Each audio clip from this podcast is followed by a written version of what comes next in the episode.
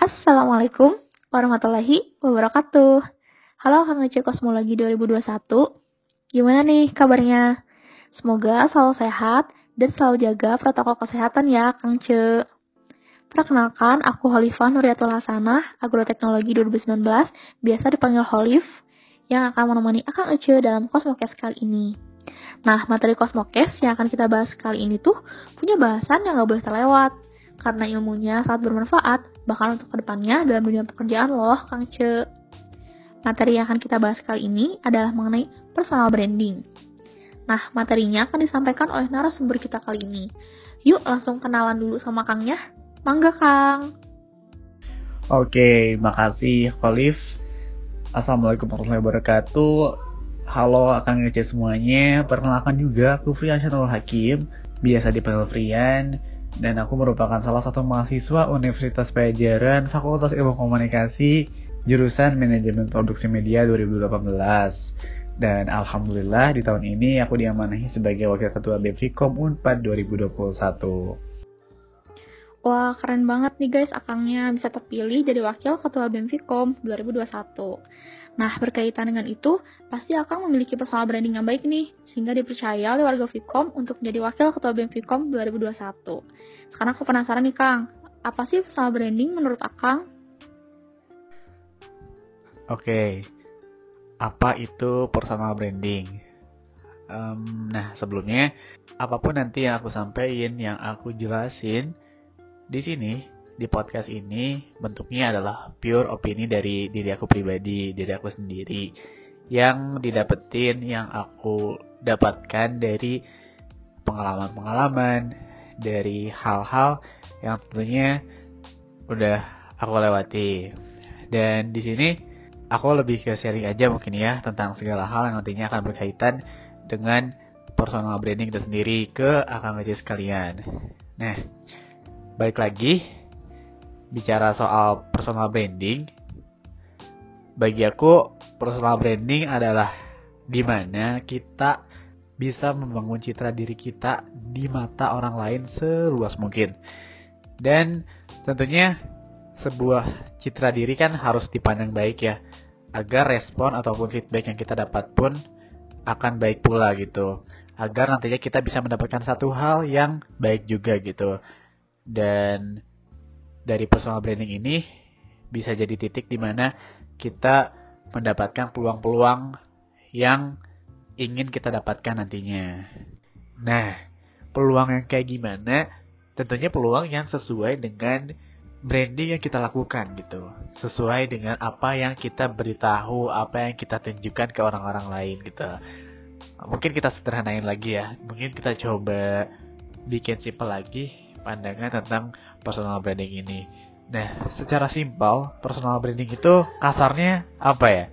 Kita menjual diri lah gitu. Tapi menjual diri dalam konteks positif ya. Awas, jangan um, mikirnya ke mana-mana aja. Nah, menjual diri kayak gimana? Maksudnya itu kita menunjukkan apa yang kita punya ke orang lain gitu. Kita coba kasih tahu nih, kita punya apa sih? Kita kasih tahu ke orang lain dan sampai orang lain itu uh, dapat gitu apa yang kita punya gitu. Sampai orang lain tuh tahu gitu setidaknya. Nah dari situ ketika orang lain tahu maka peluang-peluang atau kesempatan-kesempatan yang mungkin kita akan dapatkan dan kita inginkan itu bisa datang ke kita dengan sendirinya gitu. Jadi pada akhirnya output dari personal branding itu personal branding itu sendiri adalah gimana caranya bukan kita yang menjemput bola tapi bola itu yang datang ke kita dengan sendirinya gitu bukan kita yang mencari-cari, tapi orang yang mencari-cari kita gitu.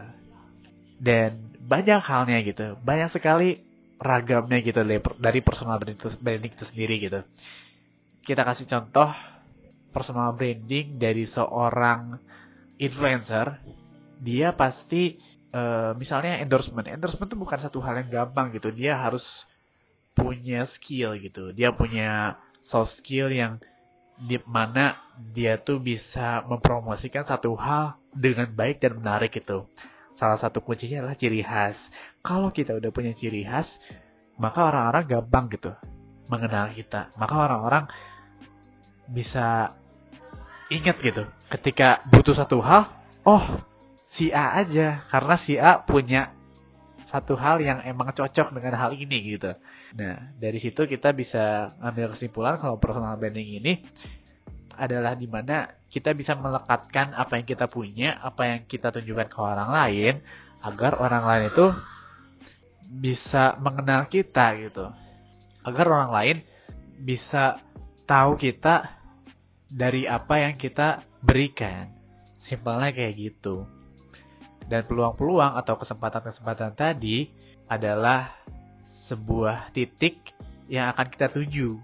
Berawal dari titik nol, di mana kita berusaha untuk memberitahu, berusaha untuk menunjukkan apa yang kita punya ke orang lain, sampai nanti kita bisa ada bisa ada di titik yang kita tuju nanti gitu. Simpelnya kayak gitu akan ngece. Oke, jadi menurut Akang, personal branding itu adalah di mana kita bisa membangun citra diri kita seluas mungkin agar dikenal oleh banyak orang, dikenal oleh masyarakat luas, dan dari sini kita bisa mendapatkan peluang yang ingin kita capai. Nah, berhubung saat ini kita sedang berada di era milenial nih Kang, di mana hampir semua orang memiliki gadget. Selain itu, sosial media juga sudah berkembang dengan pesat. Nah, menurut Akang, eh, apa sih pentingnya personal branding di era milenial saat ini? Yap, bener banget Khalif. Sekarang kita ada di era industri 4.0 nih. Dan sebagai generasi milenial, kita adalah salah satu elemen yang diharapkan dapat memberikan impact yang besar juga tentunya ke bangsa kita tercinta ini gitu, ke Indonesia. Bahkan kalau bisa dunia gitu.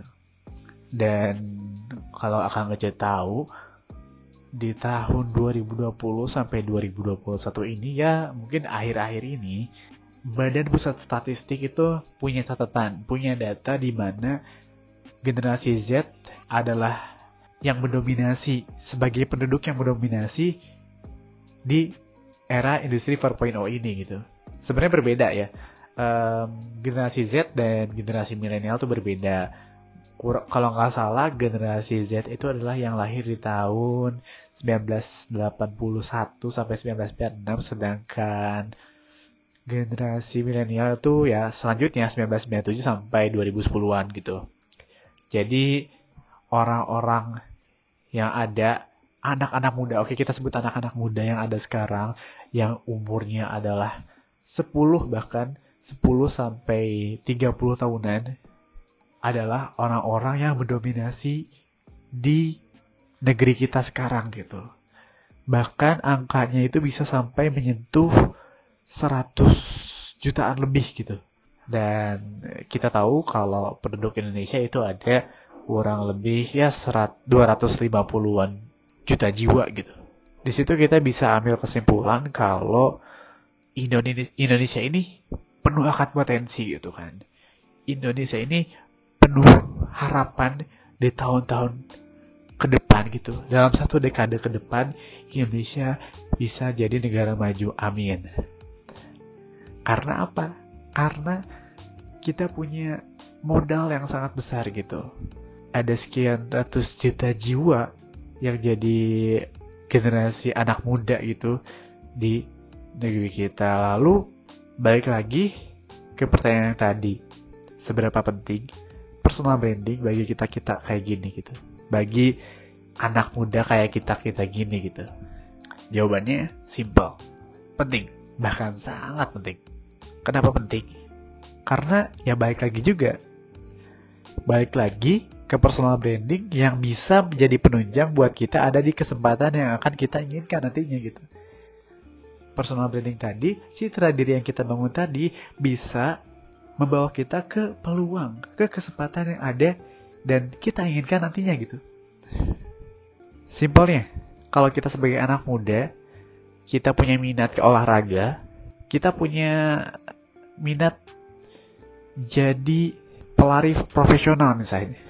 Tapi kita diam aja di rumah. Kita larinya pakai treadmill doang di rumah. Lari sih lari, tapi gimana? Lari di tempat. Orang lain bakal tahu? Nggak bakal. Bisa jadi pelari profesional? Belum tentu. Karena apa? karena dunia tidak tahu gitu karena orang lain nggak tahu ketika kamu punya bakat pun dan kamu nggak memberi menunjukkan itu kepada orang-orang di luar ya jangan harap orang-orang bakal nge kamu jangan harap orang-orang bakal aware dengan apa yang ada pada diri kamu gitu jadi ketika kita mencari sebuah fakta kalau anak muda itu sekarang mendominasi di Indonesia, maka tingkat kompetisi, tingkat persaingannya pun akan semakin meningkat. Contoh, kalau mau jadi artis, kalau mau jadi uh, apa ya, aktor misalnya, pasti saingannya pun banyak. Karena apa? Karena orang-orang yang sebaya dengan kita tuh banyak. Lalu gimana caranya? Ya, coba coba dulu aja gitu. Coba keluarkan apa yang kita inginkan. Dan salah satu yang paling ampuh adalah dengan mencari passion kita. Adalah dengan mencari apa yang kita minati, mencari apa yang bisa kita kembangkan dari diri kita sendiri gitu. Dengan begitu, kita bisa percaya diri gitu untuk menunjukkan kepada orang-orang kalau kita tuh punya A, kalau kita tuh punya B, kalau kita tuh punya C. Dan dari situlah terbentuk personal branding yang kita inginkan gitu.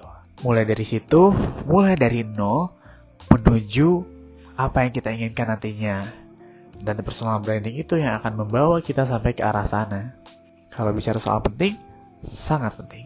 Kalau bicara presentase, 100% penting. Dan kalau bicara soal anak muda, aku percaya akan ada sekalian yang dengerin podcast ini adalah orang-orang yang intelektual, orang-orang yang gak gaptek gitu, orang-orang yang gak uh, orang-orang yang melek teknologi gitu, pasti bisa mengoperasikan smartphone gitu. Dan gak cuman phone-nya aja yang smart, tapi orang-orangnya juga smart gitu. Aku percaya itu. Dan aku yakin juga akan ngece di sini tuh punya satu, dua, tiga, bahkan berbagai macam sosial media Nah, itu salah satu jalannya. Itu salah satu um, cara yang paling mudah, cara yang gratis untuk menunjukkan pada dunia kalau kita tuh punya satu hal yang emang ha, uh, dunia harus tahu gitu. Sekarang kita nggak perlu berharap untuk masuk TV biar bisa dilihat dunia. Sekarang dunia udah semakin teknologi sudah semakin canggih. Ngirim pesan dari Ciseke ke Los Angeles cuman sedetik. Tinggal satu klik udah bisa nyampe ke sana gitu. Dari situ kita bisa membuka mata kita kalau peluang yang kita punya itu sangat besar gitu. Dan salah satunya adalah coba tunjukin passion kita di sana. Atau bahkan yang bisa lebih membuat orang aware adalah dengan sesuatu yang bisa dilihat, ada dengan sesuatu yang bisa dirasakan oleh indera kita, salah satunya oleh penglihatan, pendengaran, yaitu dengan karya. Kalau Akang Ece sekali punya karya, tunjukin pada dunia. Tunjukin kalau Akang Ece itu punya satu hal yang bisa jadi modal Akang Ece semuanya, dan itu bisa menunjang Akang Ece semuanya jadi apa yang diharapkan Akang Ece semuanya gitu. Sesimpel itu.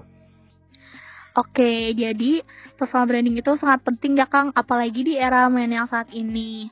Karena peluang di media sosial itu sangat besar, sehingga kita perlu mencari passion kita, mencari bakat kita, dan bisa kita sebarluaskan di media sosial yang kita punya. Kemudian ada salah satu aplikasi namanya LinkedIn, di mana kita bisa menunjukkan siapa diri kita, menulis apa pengalaman yang pernah kita garap, sehingga akan banyak peluang pekerjaan yang datang dan bisa kita adjust begitu.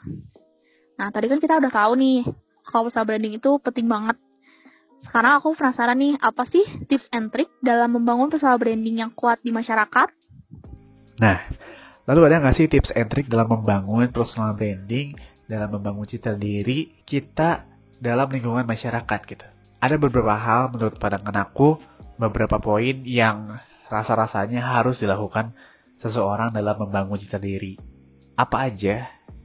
Itu yang pertama dan yang paling utama adalah as simple as know, knowing yourself gitu. Kenali diri. Siapa kamu? Kamu bisa apa? kamu punya apa. Cari tahu siapa kamu. Maksudnya cari tahu tuh bukan, aduh, gue siapa ya? Kayak nama gue uh, bla bla bla gitu. Enggak. Tapi coba temukan passionnya gitu. Temukan bakat kamu, temukan minat kamu. Temukan hal-hal yang sekiranya bisa kamu tunjukkan ke halayak publik gitu. Bisa kamu tunjukkan ke dunia. Contoh. Oke, okay, ini mungkin aku cerita sedikit ya. Um, dulu aku ada di SMA negeri salah satu SMA negeri di Bandung. Aku adalah salah satu mahasiswa di jurusan Saintek atau IPA. Lalu aku ikutan SBMPTN, aku ikutan SNMPTN juga otomatis Saintek, SBMPTN juga Saintek. Aku ngambil tiga pilihan, waktu dulu masih tiga ya. uh, OTW mahasiswa tua soalnya. Itu tiga, ketiga-tiganya adalah jurusan Saintek. Tiga-tiganya adalah berbau IPA. Tapi takdir berkata lain sampai akhirnya aku menjadi mahasiswa. Salah satu mahasiswa di Fakultas Ilmu Komunikasi Universitas Pajajaran yang mana fakultas ini adalah fakultas salah satu fakultas yang ada di rumpun Sosum. Di rumpun yang tidak sama yang sama sekali tidak aku pelajari selama tiga tahun belajar di SMA. Yang eh, di rumpun yang sama sekali aku tidak expect kalau aku bakal ada di titik ini sekarang. Singkatnya adalah aku gak punya pengalaman, aku gak punya basic, aku gak punya modal buat aku ada di sini, tapi takdir berkata, ya udah, ini sudah jalannya gitu. Bukan berarti memaksakan, tapi lebih ke menghadapi apa yang harus dihadapi gitu. Dan pada akhirnya, ketika aku gak punya apa-apa, aku coba mencari apa-apanya. Aku mencoba mencari dalam tanda kutip apa-apa yang aku punya.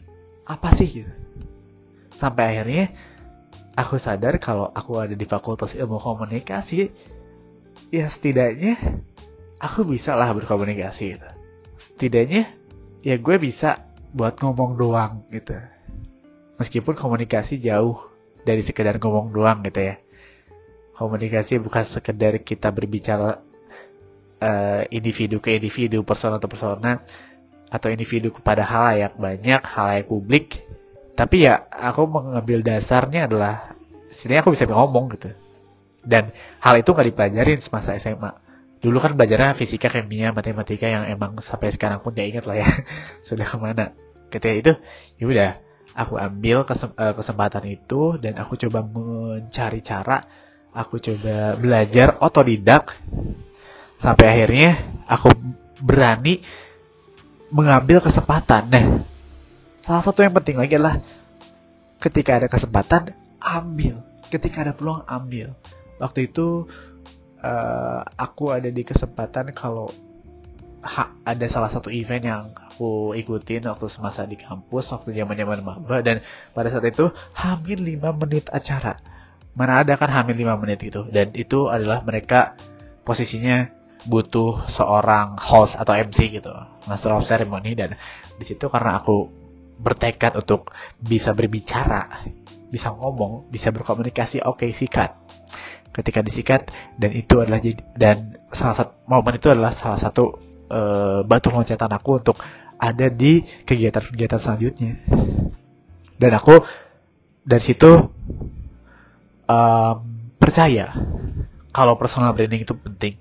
Dari situ aku coba cari peluang lain, mencari mencari kesempatan-kesempatan lain sampai akhirnya ada beberapa kesempatan yang aku bisa ambil, ada beberapa kesempatan yang aku bisa temui di tempat yang sama gitu, di uh, peluang yang sama, yaitu apa? Yaitu ya public speaking. Aku ya mungkin mungkin sebenarnya gak terkenal terkenal amat gitu. Bahkan ya mungkin akan aja sekarang juga. Nggak tahu aku siapa sekarang. Tapi dulu aku sempat ada di beberapa event di kampus bukan bermaksud sombong tapi ini aku sharing aja untuk jadi pemandu acara di situ gitu. Nah dari situ salah satu yang penting lagi adalah gimana kita nggak menyayangkan kesempatan, di mana kita memaksimalkan apa pun kesempatan yang ada gitu. Sekecil itu, itu sharing sedikit aja sih. Jadi di mana kita harus benar-benar mencari diri kita gitu. Bahkan kita bisa menemukan apa yang kita nggak expect ada dalam diri kita gitu kalau kita menyadari lingkungan kita kayak gimana, apa yang dibutuhkan sama orang-orang, dan juga balik lagi ke diri kita sendiri bisa nggak gitu. Tapi jangan menyerah di awal lu kalau aduh aku nggak bisa deh, aku nggak bisa deh. Nggak ada yang nggak bisa dan nggak ada yang nggak mungkin. Jadi coba aja, nggak ada waktu untuk terlambat. Nggak ada, nggak ada kata terlambat maksudnya. Lalu selanjutnya yang gak kalah penting adalah atur strategi buat membangun uh, personal brand itu gitu. Untuk membagikan personal brand itu ke orang-orang. Mau kayak gimana caranya? Banyak kan. Seperti aku yang tadi udah sebutin tadi, um, bisa melalui sosial media, banyak banget platform-platform sosial networking yang sekarang ada gitu, yang bisa membagikan karya kita, um, bisa lewat Instagram, bisa lewat Twitter. Twitter kan juga meskipun tempat isinya itu tempat-tempat mengeluh, berkeluh kesah, tapi base-nya kan teks ya. Kalau akan ngaji semua suka nulis, dituangkan ke Twitter, itu adalah salah satu hal yang baik juga gitu. Um, YouTube, YouTube itu jadi salah satu tempat yang gak hanya membangun personal brand, tapi juga bisa mendapatkan langsung gitu, secara langsung apa ya pundi-pundi rupiah gitu. Banyak banget sekarang juga udah ada platform baru Clubhouse ya kalau teman-teman tahu. Meskipun belum terlalu um, apa ya kita belum terlalu tahu gitu apa yang bisa kita dapetin selain sharing-sharing di platform tersebut gitu. Atur aja dan salah satu cara biar orang-orang tahu persona brand kita adalah dengan tadi yang aku udah ceritain adalah jangan menyanyiakan peluang jangan menyanyiakan kesempatan yang udah ada gitu 5 menit adalah waktu yang berharga buat kita semua untuk melaju ke peluang-peluang atau kesempatan-kesempatan selanjutnya gitu. Seminim mungkin, sekecil apa pun waktunya, jangan menyanyiakan kesempatan. Percaya. Lalu yang selanjutnya tadi aku juga udah notice maksimalin sosial media, maksimalin platform-platform yang ada sekarang. Jangan ragu buat coba. Karena Instagram aja sekarang udah nggak ada likes-nya kan. Udah nggak dilihat itu likes-nya berapa. Nggak ada kata insecure, nggak ada kata minder. Yang ada adalah kata berani dan percaya diri. Lalu yang nggak kalah penting lainnya adalah bangun networking.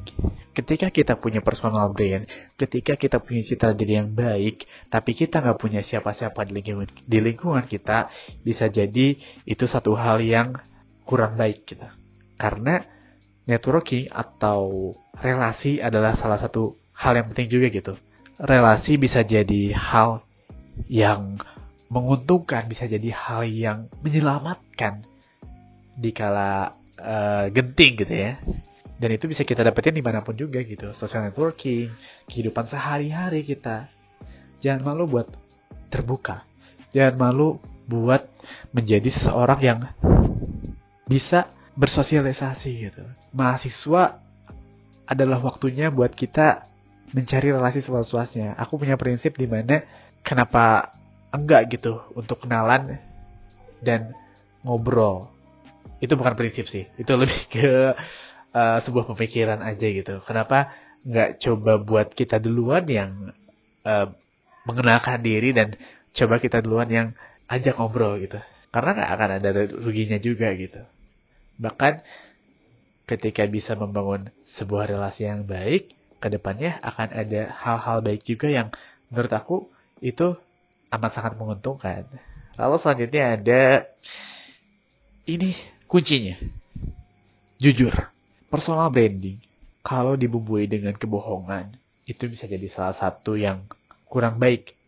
Ya, kebohongan mana sih yang baik gitu dan ya ini jangan terlalu lebay lah. Jangan terlalu lebay dalam menunjukkan apa yang kita punya gitu. Dalam artian kita nggak bol kita jangan yang hiperbola gitu. Contoh kalau kita punya minat di bidang public speaking misalnya kita menceritakan apa personal brand kita tapi dengan kesombongan gitu. Dengan Wey, gue bisa A, gue bisa C, gue bisa D, lo kalian kagak bisa gitu itu kan kayak lah apaan sih gitu malah orang-orang feedbacknya buruk juga responnya buruk juga gitu dan uh, menunjuk dan apa personal branding juga biasa disebut sama orang-orang pencitraan gitu. Ada orang-orang yang bilang kalau personal brand itu pencitraan dan pencitraan erat kaitannya dengan kebohongan itu. Padahal kebohongan itu yang menjadi titik awal kalau orang-orang tidak akan percaya dengan dirinya gitu. Padahal personal branding dibangun untuk membangun kepercayaan dari orang-orang lain ke kita. Jadi harus apa? Harus jujur. Itu sih kurang lebih tips and trick dalam pembangunan personal branding yang bisa kita lakukan sebagai anak muda, sebagai uh, generasi Z, sebagai generasi milenial di era sekarang gitu. Gitu, Khalif. Oke, jadi tips and trick dalam membangun personal branding yang kuat di masyarakat itu, yang pertama adalah jangan menyanyiakan kesempatan dan peluang yang datang. Jadi jika ada kesempatan atau peluang yang ada, dicoba aja dulu karena tidak ada kata terlambat untuk mencoba. Yang kedua adalah dengan memaksimalkan sosial media karena sekarang zaman sudah canggih dan hampir semua orang itu pengguna sosial media. Selanjutnya adalah dengan membangun networking atau relasi karena hal tersebut dapat menjadi penghubung datangnya peluang tersebut. Dan ini ada kuncinya nih Kang Ce, yaitu adalah kejujuran dan kerendah hatian. Jadi jangan terlalu berlebihan dalam tanda kutip jangan terlalu sombong dalam menunjukkan apa yang kita punya. Nah, berhubung personal branding itu uh, pasti tidak akan selalu di atas ya, Kang. Kadang kadang pasti ada kalanya personal branding yang kita punya itu akan berada di titik bawah begitu. Nah, jadi bagaimana sih cara mempertahankan personal branding yang kita punya agar selalu berada di titik atas? Nah, selanjutnya Bagaimana cara mempertahankan personal brand tersebut? Setelah kita tadi dengerin, setelah kita tadi tahu apa aja tips and trick, apa aja cara yang bisa kita lakukan untuk membangun cita diri kita, tentunya cita diri itu gak akan menetap dengan hanya satu kali usaha gitu. Kalau dulu aku cuman ada di satu panggung dan aku tidak melebarkan sayap dan aku tidak mengambil kesempatan-kesempatan, aku mengambil peluang-peluang selanjutnya, ya udah orang lain pun gak akan aware dengan apa yang aku lakukan. Jadi, caranya gimana? Caranya adalah dengan konsisten. Konsisten dalam membangun cita diri kita. Bahkan ketika personal brand kita sudah ada di titik puncak pun, kita harus tetap konsisten untuk terus mempertahankannya. Kita harus tetap konsisten untuk terus uh, ada di posisi tersebut gitu. Karena personal brand tidak akan selamanya menetap di atas gitu ada kalanya ketika kita nggak ngikutin contohnya deh kalau ada seorang influencer dia udah jadi influencer terkenal jadi key opinion leader yang direbutin sama orang-orang tapi dia stay terus pada posisinya gitu dia cuma nerima apa yang ada dalam diri ada cuma nerima apa yang datang ke dirinya terima terima terima terima tanpa dia melakukan satu usaha yang bisa mempertahankan posisinya. Contohnya adalah dengan mengikuti tren. Mengikuti tren yang uh, konotasinya positif ya. Nah, di situ bisa jadi orang-orang melihat, wah, si ini gak update nih, kudet banget ya. Udahlah, tinggalin aja. Perlahan orang-orang akan turun kepercayaannya. Tingkat kepercayaannya akan menurun terhadap orang itu gitu. Di situ. Maka dari itu, konsistensi dalam membangun cita diri itu adalah hal yang terpenting. Lain halnya dengan mengambil peluang gitu. Salah satu cara mempertahankannya adalah jangan menolak peluang, jangan menolak kesempatan, kecuali kesempatan kesempatan itu um, apa ya tidak akan berujung baik bagi kita gitu. Kita udah melihat hal tersebut itu tidak akan baik gitu. Atau sekiranya kesempatan tersebut nggak bisa ke handle atau tidak kita nggak sanggup untuk mengambilnya ya udah itu bisa kita toleransi tapi untuk peluang-peluang untuk kesempatan-kesempatan yang kita punya dan kita sanggup sekiranya kita sanggup ya sudah ambil aja. Berani ambil risiko lebih baik daripada kita hanya terdiam. Karena ketika orang-orang udah berpandangan wah si A bisa nih buat ngambil kesempatan ini. Ditawarin lah ke si A tapi A nya nolak dengan alasan yang kurang logis dan kurang bisa diterima sama si penawar itu gitu. Jadi dari situ bisa turun tingkat kepercayaannya gitu. Dan Sesimpel itu, hanya dengan satu peluang yang tidak diambil, yang tidak dimaksimalkan, citra diri kita bisa turun lagi. Citra diri kita bisa berubah persepsinya gitu di hadapan orang-orang. Sesimpel itu teman-teman. Jadi e, cara untuk menjaga atau mempertahankan personal branding yang kita miliki itu salah satunya adalah harus konsisten ya Kang dalam membangun citra diri. Nah, salah satu cara agar konsisten itu adalah dengan berani ambil kesempatan dan berani ambil resiko. Karena jika sekali saja kesempatan itu tidak diambil, maka persepsi orang-orang itu akan berubah terhadap diri kita. Selain itu, kita juga harus mengikuti tren dan jangan stuck di lingkup aman kita. Nah, aku mau nanya nih Kang, apa sih manfaat bagi kita yang telah mempunyai personal branding sejak dini dibandingkan yang belum memiliki personal branding begitu Kang? Lalu apa manfaat bagi kita yang sudah punya personal branding dari sejak dini gitu? Manfaatnya adalah kemudahan. Bagi anak muda kayak kita, bagi generasi Z, generasi milenial yang masih membangun cita diri, yang belum ada di posisi di mana kita harus uh, berada di posisi di dunia yang sebenarnya gitu. Di dunia bukan aku bukan bukan menafsirkan kalau dunia yang kita tepati sekarang adalah bukan dunia yang sebenarnya gitu. Maksud dunia yang sebenarnya adalah di mana kita mencari pekerjaan, di mana kita mencoba untuk menafkahi diri sendiri dan juga orang lain, maka akan sulit gitu ketika kita tidak punya personal branding, ketika kita tidak punya cita diri yang udah diketahui sama orang-orang. Uh, aku gak ngeklaim akan sesulit itu. Aku juga nggak bilang maksudnya tidak tidak ngecap kalau tidak melakukan personal branding akan sulit gitu. Tapi ketika personal branding dilakukan adalah akan datang kemudahan di kemudian waktu gitu. Untuk kita dapat uh, ada di posisi yang kita inginkan.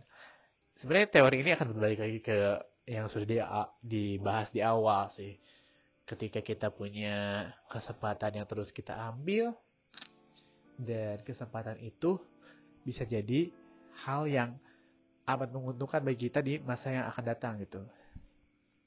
Ketika kita berbicara tentang hal-hal yang berbau uh, materialistis gitu ya, hal-hal yang ada di dunia pekerjaan, di dunia karir, simpelnya personal branding ini akan menuntut kita di mana tadi bukan kita yang menjemput bola, tapi bola yang akan datang kita, yang datang ke kita. Bukan kita yang menjemput pundi-pundi rupiah itu gitu, tapi pundi-pundi rupiah yang mencari kita gitu. Jadi kita tinggal tunggu aja datang.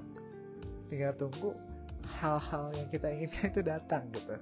Apalagi uh, apalagi hal-hal tersebutlah hal yang kita inginkan yang sesuai dengan passion kita yang sesuai dengan apa yang kita lakukan selama ini gitu. Jadi simpelnya adalah manfaat bagi kita yang sudah punya personal branding dari sejak ini ya kita mendapat kemudahan. Di luar itu banyak hal-hal yang kita dapetin juga.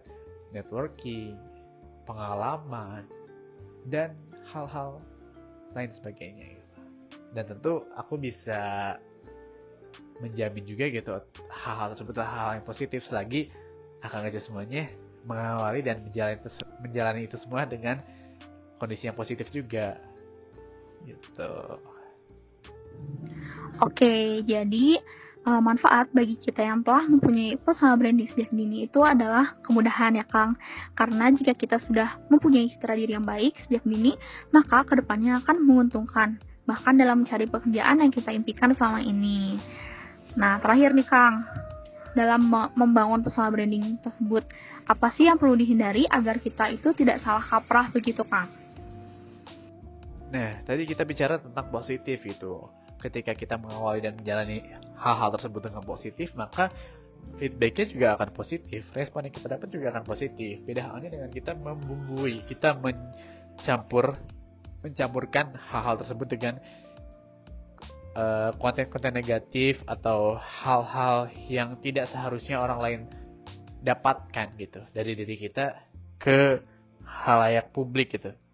Lalu dari situ kita harus tahu dong apa yang harus dihindari dalam membangun personal branding. Apa hal-hal yang tidak boleh dilakukan ketika kita membangun cita diri kita. Balik lagi ke yang sudah dibahas juga tadi adalah jangan pernah berbohong dengan apa yang ada pada dirimu sendiri gitu. Jangan mencampuri bumbu-bumbu kebohongan dalam personal branding kalian. Kuncinya ya jujur, jangan bohong. Karena itu akan berujung pada hal-hal yang kita udah bahas tadi juga ya hal-hal yang kurang baik juga. Lalu jangan juga membumbui dengan hal-hal yang negatif. Contoh deh, aku bingung ngasih contohnya apa.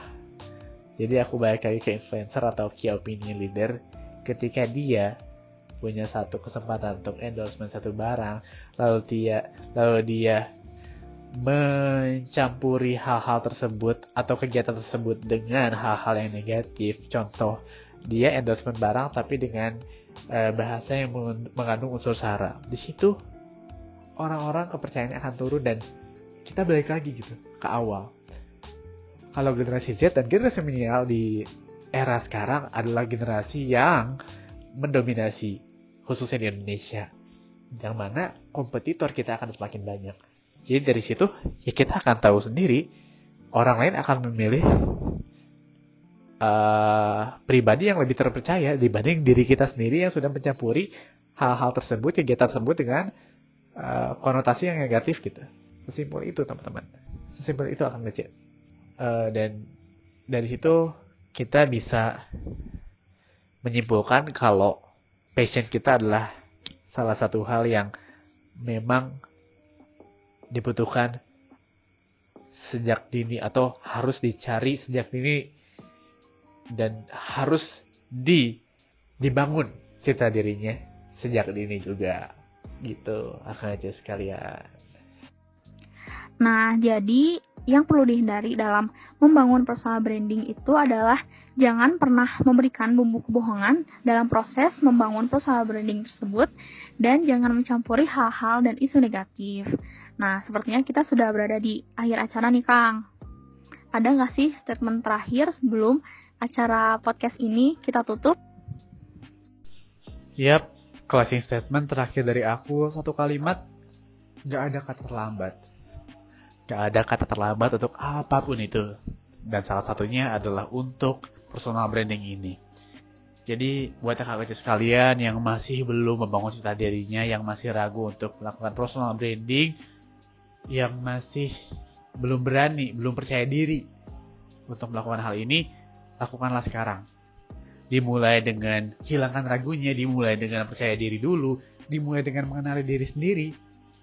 Maka perlahan-lahan hal itu akan menjadi satu hal yang bisa akan Ece sekalian terapkan terus menerus gitu. Dan ketika dan untuk Kang Ece yang udah melakukan personal branding ingat untuk terus menerus untuk konsisten memberikan atau menyampaikan mengupdate terus personal branding kita kepada hal-hal publik. Karena hal-hal yang bentuknya terus menerus itu akan lebih mudah ditangkap akan lebih mudah sampai ke pikiran halayak publik nantinya gitu. Contohnya adalah ketika Akang Oce di sini ada yang jadi ada yang jadi youtuber misalnya. Youtubernya youtuber Unpad yang memberikan semua informasi tentang Unpad dan semua orang udah tahu gitu ciri khasnya Akang Oce itu Unpad. Maka pikiran pertama ketika uh, orang-orang bahasa yang berkaitan dengan Unpad dengan YouTube maka itu akan tertuju ke akan Ece dan itu dilakukan secara konsisten secara terus menerus gitu. Dan satu lagi jangan menyanyiakan peluang jangan menyanyiakan kesempatan. Ada salah satu cerita dari Panji Pragiwaksono aku pernah dengar aku pernah ya dengar. Jadi dia siaran di salah satu mungkin akan Ece juga ada tahu salah satu radio di Jakarta atau di Bandung itu aku lupa. Nah dia tuh kenapa bisa sampai sukses sekarang? Karena momen di mana 5 menit itu begitu berharga bagi dirinya gitu. Dia siar 5 menit dan didengar oleh salah satu HRD atau salah satu manajer gitu di salah satu stasiun televisi Indonesia dan lima menit itulah yang menjadi momen di mana dia bisa sebesar sekarang. Jadi buat anak kecil sekalian jangan pernah menyia-nyiakan peluang kesempatan sekecil seminim sependek apa pun itu.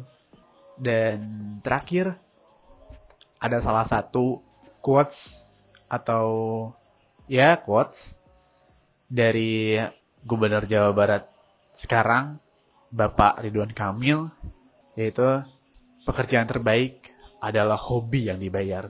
Jadi berangkat dari personal branding, berangkat dari mengenali diri sendiri, kita bisa mendapatkan pekerjaan terbaik kita dan salah satunya adalah hobi yang dibayar.